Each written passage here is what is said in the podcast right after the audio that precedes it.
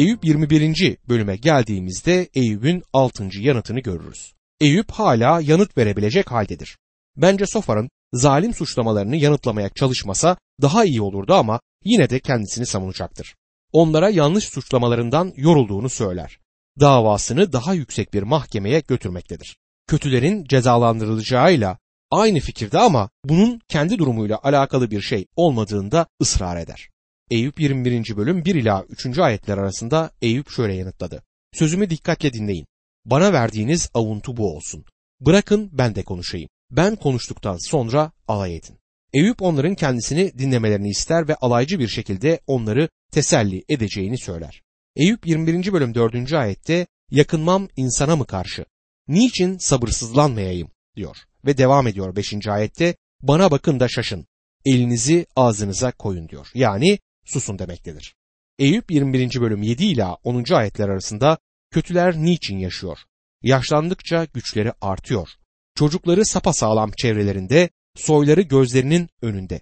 Evleri güvenlik içinde korkudan uzak. Tanrı'nın sopası onlara dokunmuyor.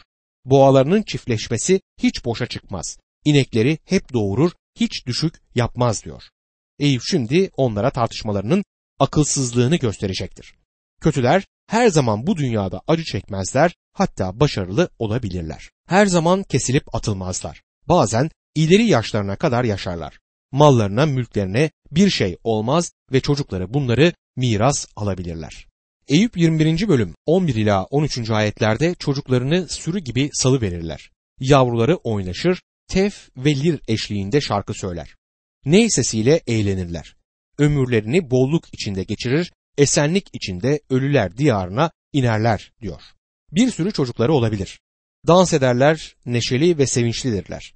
İyi vakit geçirirler, zevk ve sefa içerisinde yaşarlar. Düşüşlerinin görüleceğini söyleyebilirsiniz ama yanlışınız var. Diğerleri gibi onlar da mezara girer ama felaketler başlarına gelmez. Eyüp bir çiftlik sahibiydi ve kötü insanlardan bazılarının çok zengin çiftçiler olduklarını ve büyük zengin aileleri olduğunu belirtir.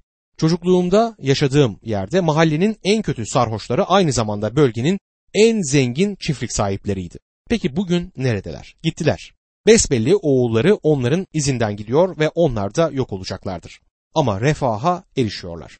Eyüp dikkati bu noktaya çekmektedir. Bunun aynı zamanda Davut'un da gözlemlediği bir şey olduğunu hatırlarsınız. 37. mezmur 35. ayette kötü ve acımasız adamı gördüm.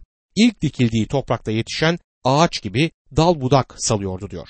Ancak Davut da Tanrı'nın sonunda kötüleri yargılayacağını görmüştü. Günümüzde ülkemizin durumuna bakabiliriz. Belirli soyadlarının para anlamına geldiğini biliyoruz ve bunlar Tanrı yolunda yürümekle ün salmış kişiler değillerdir. Onları politikada ve yüksek sosyetede görmekteyiz. Diğer insanlar gibi acı çekiyor görünmezler. Belki bazen bu sizin kafanızı karıştırır. Burada Eyüp'ün söylediği gibi kötüler refah içerisindedir. Eyüp 21. bölüm 14 ve 15. ayette Tanrı'ya bizden uzak dur derler. Yolunu öğrenmek istemiyoruz. Her şeye gücü yeten kim ki ona kulluk edelim. Ne kazancımız olur ona dua etsek diyor. Bunlar haksızlardır. Tanrı'yı istemezler. Aşağılayıcı bir şekilde Tanrı'ya ihtiyaçları olmadığını ve Tanrı'nın yollarını bilmeyi arzulamadıklarını söylerler. Tanrı onlara kendileri için elde edemeyeceği ne verebilir? Eyüp 21. bölüm 16. ayette ama zenginlikleri kendi ellerinde değil. Kötülerin öğüdü benden uzak olsun diyor. Eyüp ben o sınıfa ait değilim. Kötülerden biri değilim. Kaçınılmaz gerçek olarak ortaya yatırdığın şeyin her zaman gerçek olması gerekmez der. Ayrıca eğer olsa bile bu bana uygun değil diyor. Eyüp 20. bölüm 17. ayette kaç kez kötülerin kandili söndü, başlarına felaket geldi. Tanrı öfkelendiğinde paylarına düşen kederi verdi diye soruyor. Eyüp kötülerin normal başka herhangi birinden daha fazla sorunu olmadığını belirtir. Eyüp 21. bölüm 18 ila 20. ayetler arasında kaç kez rüzgarın sürüklediği saman gibi, kasırganın uçurduğu saman çöpü gibi oldular.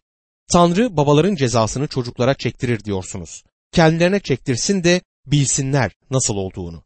Yıkımlarını kendi gözleriyle görsünler. Her şeye gücü yetenin gazabını içsinler diyor. Ancak ölüm insanlar arasında ayrım yapmaz ve ölümün kötülerin kapısını çaldığı zaman gelir. yargıda güçlülerin güçlüsünün gazabını içecekleri zaman gelir.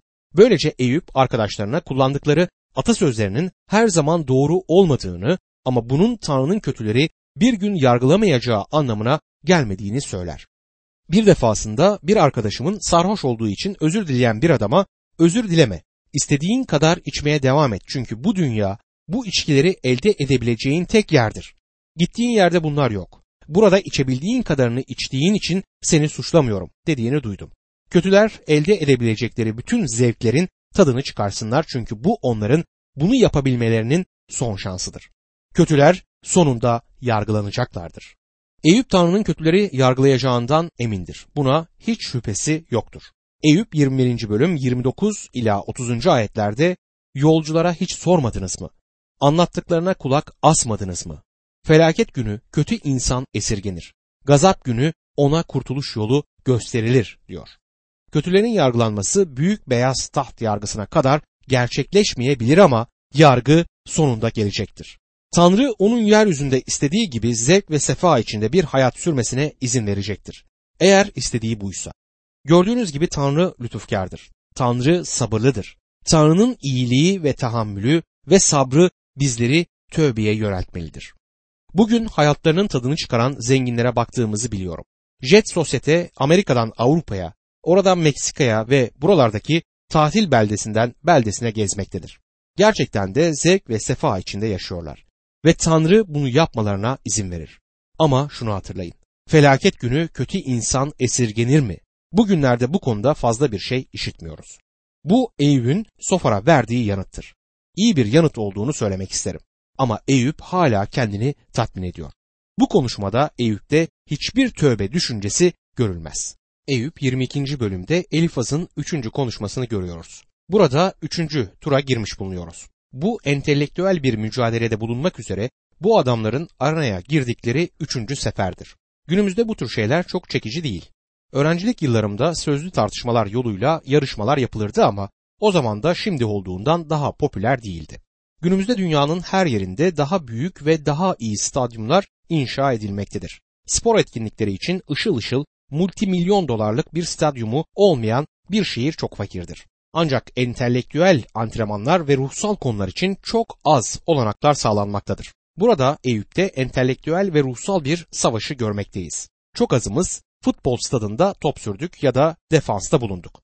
Daha da az sayıda olanlarımız büyük bir ligde oynadı ama hepimiz ruhsal bir savaşta yaşam arenasındayız.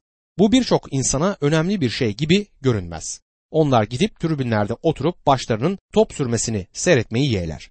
Dostum sizler ve ben ruhsal bir savaşta savaşıyoruz. Elçi Pavlus bizlere eski tercümede güreştiğimizi söyler ve güreş şu anda devam etmektedir. Bu entelektüel ve ruhsal savaştır. O zamanki insanları heyecanlandırıyordu. Bizler o zaman yaşayan insanların uygar olmadıklarını düşünmekteyiz. Fiziksel mücadeleler için multimilyon dolarlık stadyumlar inşa edip entelektüel mücadeleyi vurgulamayanlar ise bizleriz. Elifaz'ın harika deneyimi yaşayan adam olduğunu hatırlayacaksınız. Tuhaf ve gizemli bir görüm gördü. Ruhsal bir yanı vardı, gördüm diyen birisiydi. Eyüp 22. bölüm 1 ve 2. ayetlerde Temanlı Elifaz şöyle yanıtladı. İnsan Tanrı'ya yararlı olabilir mi? Bilge kişinin bile ona yararı dokunabilir mi? Bu sorunun sorulma şekli bile insanın Tanrı'ya yararlı olamayacağını göstermektedir. Eyüp senin kendin hakkında çok yüksek düşüncelere sahip olduğun belli ama acaba Tanrı senin hakkında ne düşünüyor diye sorar. Eyüp'ün Tanrı onun davranışlarından bir yararı varmış ve eğer Tanrı onu zapt etmese Tanrı için fazlasıyla kuvvetli olacakmış gibi davrandığını ve Tanrı'nın da Eyüp'ü bu nedenle zapt ettiğini söyler. Elifaz tamamıyla hatalıdır ve bütün bunlar bu anda yardıma ve cennetten ışığa ihtiyacı olan bir adam için fazla yardımcı olan sözler değildir. Elifaz'ın sorusu kendilerinin Tanrı için yararlı olduklarını düşünen bazı kilise üyelerine uygundur. Bazı insanlar yeryüzünde Tanrı için büyük bir katkıda bulunduklarını ve ekibinde onlar olduğu için Tanrı'nın şanslı olduğunu düşünür gibidirler. Cennete gittiklerinde kendileri orada olacağı için cennetin daha iyi bir konuma geleceğini düşünürler. İnsanın Tanrı'ya yararı olmadığını anlamamız gerekiyor. Hiçbirimizin yararı yoktur. Bunun da anlamı hepimizin çürük meyveler gibi olduğumuzdur.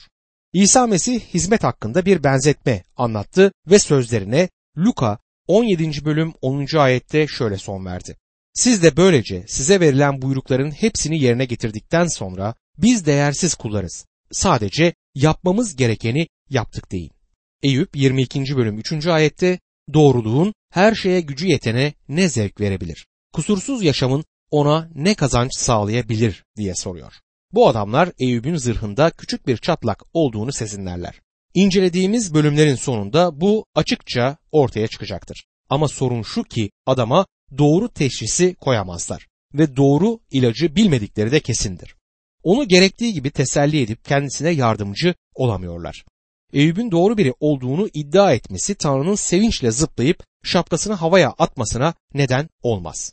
Mesih inanlısı olduklarını söyleyen insanlar arasındaki çok sayıda kişinin gerçekte Mesih'e güvenmeyen bir biçimde kendilerine ve kim olduklarına güvenmedikleri hakkında içimde bir his var. Pazar günlerini hiç kaçırmadan kiliseye gitmemizin Tanrı'ya zevk vermediğini vurgulamak isterim. Birçok kişi Tanrı'nın bundan büyük bir memnunluk duyduğunu düşünür. Ben öyle düşünmüyorum. Kim olduğumuzu ve tamamen Tanrı'ya bağımlı olduğumuzu, ona olan büyük gereksinimimizi görüp kabul etmemiz gerekmektedir. Kim olduğumuz ve ne yaptığımızla onu etkilemeye çalışmak yerine ona bakmamız gerekiyor. Eyüp 22. bölüm 4. ayette seni azarlaması, dava etmesi ondan korktuğun için mi diye sorar Elifaz. Eyüp'e sen Tanrı'nın seni disiplin etmekten korkacağı kadar doğru ve kusursuz musun diye soruyor aslında. Tanrı'nın Eyüp'ün kusursuz olduğunu söylediğinde kendisiyle kurban aracılığıyla oğulları ve kızları için kurbanlar sunduğunu biliyoruz. Doğru bir konumda olduğunu söylemek istediğini anlamalıyız. Ve Tanrı'nın Eyüp'ü disiplin etmekten korkması gibi bir şey kesinlikle söz konusu değildir. Bu adamın çok sıkıntılı zamanlar yaşadığı bellidir. Eyüp 22. bölüm 5 ila 7. ayetler arasında kötülüğün büyük, günahların sonsuz değil mi? Çünkü kardeşlerinden nedensiz rehin alıyor, onları soyuyordun. Yorguna su içirmedin. Açtan ekmeği esirgedin diyor. Elifaz burada çok kötü ve zalimce bir şey yapar. Ne yazık ki aynı tür şeyi yapan birçok Mesih inanlısı bulunuyor. Eyüp'ün başına bu trajedi gelince bu birçok insanın acaba yaşamında ne günah var diye sormasına neden oldu. Hiçbir şey bulamadıkları için de dedikodu başladı. İnsanlar nedenler üretmeye başlamışlardı. Çok geçmeden en ufak bir şeyden kocaman nedenler çıkartıyor oldular. Elifaz'ın burada yaptığı da aynen budur. Eyüp'ü zaten Tanrı'nın onu iyi davranışlarından bir yarar sağlayacağını düşünmekte suçladı. Şimdi dönüp Eyüp'e kötülüğünün daha fazla olamayacağını söyler. Elifaz Eyüp'e suçlu olduğu bütün şeyleri söylemesinin iyi olacağını düşünmektedir. Aslında sadece tahmin yürütüyor çünkü bunların hiçbiri doğru değil. Tamamen dedikodudur ama Eyüp'e yönelttiği suçlamalara bakın. Bu tür davranışlar Eyüp'e yardım edemez. Eyüp'ü kendisini savunduğu bir konuma koyar. Eyüp'ü Tanrı'yı savunmaya yöneltmek yerine kendini savunmaya yöneltmektedir. Eğer Eyüp bu sahte suçlamalardan suçlu olmadığına ikna olursa bu onu Tanrı'nın kesinlikle bir hata yapmış olduğunu ve Tanrı'da yanlış bir şeyler bulunduğunu düşünmeye yöneltir. Elifaz'ın suçlamaları Eyüp'ü bu tür bir savunmaya götürmüştür. Dedikoducuların Eyüp hakkında hikayelerine bir bakın. Ondan var yemez amcaymış gibi söz ederler. Eyüp 22. bölüm 8 ila 11. ayetler arasında ülkeye bileğinle sahip oldun. Saygın biri olarak orada yaşadın. Dul kadınları eli boş çevirdin. Öküzlerin kolunu kanadını kırdın. Bu yüzden her yanın tuzaklarla çevrili. Ansızın gelen korkuyla yılıyorsun. Her şey kararıyor, göremez oluyorsun. Seller altına alıyor seni diyorlar. Elifaz bunların Eyüp'ün yaptığı şeyler olduğunu ve şimdi de artık herkesin bunları duymaya başladığını söyler. Eyüp'ü Tanrı'nın yüksekte olduğunu ve bütün bunları kaydettiğini söyleyerek uyarmaktadır. Eyüp 22. bölüm 12. ayette Tanrı göklerin yükseklerinde değil mi? Yıldızlara bak ne kadar yüksekteler diyor. Eyüp sanki Tanrı seni görmüyormuş gibi bütün bunları yaptın ama Tanrı seni görüyor. Başına hiçbir şey gelmeyeceğini düşündüğün halde geldiğini görüyorsun.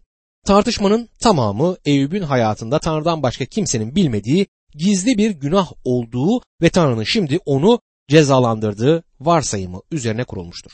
Elifaz'ın iddiasına göre Eyüp'ün hastalığının ve başına gelen bütün trajedilerin açıklaması budur. Eyüp'ün Tanrı'nın neler olup bittiğini bilmediğini sandığını düşünür. Eyüp 22. bölüm 13 ve 14. ayetlerde sen ise Tanrı ne biliyor diyorsun. zifiri karanlığın içinden yargılayabilir mi? Koyu bulutlar ona engeldir göremez gök kubbenin üzerinde dolaşır diye devam ediyor. Eyüp sen onu görmüyorsun ama o seni görüyor ve senin hakkında her şeyi biliyor demektedir şimdi. Eyüp 22. bölüm 15 ila 17. ayetlerde kötülerin yürüdüğü eski yolu mu tutacaksın? Onlar ki vakitleri gelmeden çekilip alındılar. Temellerini sel bastı. Tanrı'ya bizden uzak dur dediler. Her şeye gücü yeten bize ne yapabilir? Bu başlangıçtan beri duyduğumuz iddianın aynısıdır. Her şeye temel olarak yaşadığı bir şeyi vermektedir. Kötüleri gördüm diyebilir. Şimdi Elifaz burada bir müjde yakarışında bulunuyor ama bu Eyüp'ün ihtiyacı olan bir şey değildir. Çünkü Eyüp Tanrı ile bir kurtuluş ilişkisi içerisindedir. Kurtarıcımın yaşadığını biliyorum diyebilmektedir Eyüp. Eyüp 22. bölüm 21. ayette Tanrı'yla dost ol, barış ki bolluğa erişesin diye ona tavsiye vermektedir. Bu harika bir davet ama Eyüp'e uygun değil. Kurtulmuş insanlardan, hiç olmazsa kurtulduklarını düşünen insanlardan oluşan bir cemaat oturuyor ve bir kurtuluş çağrısı yapılıyor. Bu tür durumlarda neredeyse anlamsız ve gülünçlük sınırında olan bir şey durumuna gelir bu. Eyüp Mesih'i zaten kabul etmişken ondan Mesih'i kabul etmesini istemek onun sorunlarının çözümü değildir. Tanrı'yla dost ol barış. Çok lütufkar ve iyi bir davettir. Tanrı'nın bize yaptığı davet budur. Rab İsa da İncil'de aynı daveti yapar. Ey bütün yorgunlar ve yükü ağır olanlar, bana gelin ben size huzur veririm der İsa Mesih. Elifaz Tanrı ile barış yolunun bu olduğunu söyledi. Elçi Paulus da Romalılar 5. bölüm 1. ayette böylece imanla aklandığımıza göre Rabbimiz İsa Mesih sayesinde Tanrı ile barışmış oluyoruz demiştir. Ki bolluğa erişesin. Bir başka deyişle iyiliğin üzerine gelsin der. Ancak iyinin bizim için iyi olan anlamına geldiğini hatırlamalıyız. Bazen bu ona ihtiyacımız olduğu zaman disiplin anlamına da gelir. Eyüp 22. bölüm 22 ve 23. ayetlerde ağzından çıkan öğretiyi benimse, sözlerini yüreğinde tut, her şeye gücü yetene dönersen eski haline kavuşursun. Kötülüğü çadırından uzak tutar diyor. Bu adamlar bıkmadan, usanmadan Eyüp hayatında gizli bir günah var. İcabına bak ve Tanrı'ya dön konusunda dururlar. Ona Tanrı'yla hiçbir ilişkisi yokmuş gibi davranmaktadırlar. Eyüp 22. bölüm 24 ila 26. ayetler arasında altınını yere Ofir altınını vadideki çakılların arasına atarsan her şeye gücü yeten senin altının değerli gümüşün olur. O zaman her şeye gücü yetenden zevk alır yüzünü Tanrı'ya kaldırırsın diyor. Elifaz Tanrı'nın Eyüp'ün düşmanı olduğunu varsayar ama Tanrı Eyüp'ün düşmanı değildir. Bu müjdenin bildirilmesine en büyük engellerden birini oluşturan bir tutumdur. İnsanlar günahlıdır. Bunun çok açık bir şekilde bildirilmesi gerekmektedir ama Tanrı bugün bu dünyaya düşman değildir. Tanrı dünyayla barıştırılmıştır. Sizler ve benim Tanrı ile barışmak için hiçbir şey yapmamız gerekmemektedir. Mesih bunu bizler için yapmıştır. Tanrı barışmıştır ve kollarını kayıp dünyaya açmış, bana gelebilirsiniz ama bana benim yolumdan gelmelisiniz. Size yol, gerçek ve yaşam benim. Benim aracılığım olmadan babaya kimse gelemez diyen kişi aracılığıyla bana gelmelisiniz. Onun yolundan gelirseniz Tanrı'nın huzuruna cesaretle girebilirsiniz. Tanrı sizi muhteşem bir şekilde karşılayacak ve üzerinize bol bol ruhsal bereketler yağdıracaktır. Görebildiğiniz gibi Elifaz Tanrı'yı doğru bir şekilde temsil etmiyor. Ayrıca Eyüp'ü ne teselli etti ne de ona bir yardımı dokundu. Eyüp'ün 7. yanıtını Eyüp 23. bölümde görüyoruz. Bu Eyüp'ün arkadaşlarına verdiği 7. yanıttır ve Tanrı'ya karşı büyük bir özlemi dile getirmektedir. Davasını Tanrı'nın önünde sunmak istemektedir. Tanrı'nın sınamalarının eleğinde olduğunu ve Tanrı'nın onu sıkıntılardan kurtaracağını görmeye başlamaktadır. Eyüp 23. bölüm 1 ve 2. ayetlerde Eyüp şöyle yanıtladı. Bugün de acı acı yakınacağım. İniltime karşın Tanrı'nın üzerimdeki eli ağırdır. Eyüp siz benim durumumu gördünüz, şikayetimi işittiniz. Aslında benim durumum göründüğünden daha kötü ve benim size söyleyebileceğimden daha kötü bir durumdayım demektedir. Eyüp 23. bölüm 3. ayette keşke onu nerede bulacağımı bilseydim, tahtına varabilseydim diyor. Eyüp Tanrı'nın huzuruna çıkmanın özlemini çekmektedir. Arkadaşları onu lütuf tahtının huzuruna çıkartmayı bilebilselerdi bu harika olurdu. yargı tahtına ihtiyacı yoktur. Zaten orada duruyordu. Ve sert disiplinin ne demek olduğunu da görmüştü. Buna hiç şüphe yok. Şimdi birisinin onu Tanrı'nın huzuruna çıkartması gerekmektedir. Eyüp 23. bölüm 4. ayette davamı önünde dile getirir, kanıtlarımı ard arda sıralardım diyor. Eyüp Tanrı'nın huzuruna gitmek istediğini çünkü kendini savunmak istediğini söyler. Dostum kimse Tanrı'ya gidip kendini savunamaz. Hepimiz suçlu olduğumuzu itiraf etmek için Tanrı'nın önüne gitmeliyiz. Her birimiz suçluyuz. Eyüp'ün Tanrı'nın huzuruna çıktığında kendisini savunamadığını göreceğiz. Tutumu tamamen değişecektir. Eyüp 23. bölüm 5. ayette bana vereceği yanıtı öğrenir, ne diyeceğini anlardım diyor. Eyüp Tanrı'nın kendisine ne söyleyeceğini merak etmektedir. Onu nerede bulabileceğini merak ediyor. Kalbinde Tanrı için bu tür bir özlem olan herkesin onu bulacağı üzerine size güvence verebilirim. Tanrı onu bulacaktır. Eyüp 23. bölüm 6 ila 9. ayetler arasında eşsiz gücüyle bana karşı mı çıkardı? Hayır, yalnızca dinlerdi beni. Haklı kişi davasını oraya, onun önüne getirebilirdi.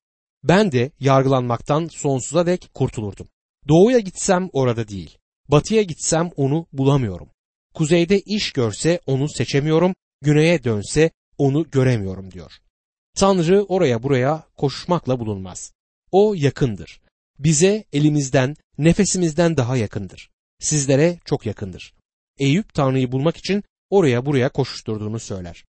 Eyüp 23. bölüm 10. ayette ama o tuttuğum yolu biliyor. Beni sınadığında altın gibi çıkacağım der. Şimdi Eyüp'ün ruhuna biraz ışık gelmektedir. Bir nedenden ötürü sınanıyorum diyor. Bunun ne olduğunu bilmiyorum ve onu anlamıyorum ama Tanrı bunu benim hayatımda kullanacak. Dostum kendi kalbinizde ve kendi yaşamınızda sıkıntıların imanınızın dokusunu kuvvetlendirdiğini bilmem keşfettiniz mi? Size daha önce sahip olmadığınız bir ahlaksal karakter verdiğini bu sıkıntı dönemlerinde göreceksiniz. Fırtına esnasında Tanrı'nın kuvveti ve tesellisini yaşadınız mı? Biliyorsunuz Tanrı bizlere hiçbir zaman fırtınaların başımıza gelmeyeceğini vaat etmemiştir. Ama bizlere sağ salim limana ulaşacağımızı vaat etmiştir. Ve bu da benim için yeterlidir. Eyüp 23. bölüm 11 ve 12. ayetlerde adımlarını yakından izledim. Sapmadan yolunu tuttum. Ağzından çıkan buyruklarından ayrılmadım. Günlük ekmeğimden çok ağzından çıkan sözlere değer verdim diyor. Eyüp Tanrı sözüne karşı büyük bir arzu taşıyordu ve belli ki Tanrı sözünü izliyordu. Burada da Tanrı bize öğretecektir. Eyüp Tanrı sözünü doğru bir şekilde anlayıp doğru bir şekilde yorumlamıyordu. Biliyorsunuz Tanrı sözünde yer alan derslerden bazıları onları sadece okuyup etüt etmekle öğrenilmez. Aynı zamanda bunları yaşamak gerekir. Yaşayarak öğrenilebilir. Tanrı'nın birçok gerçeğinin bize bu şekilde öğretilmesi gerekmektedir.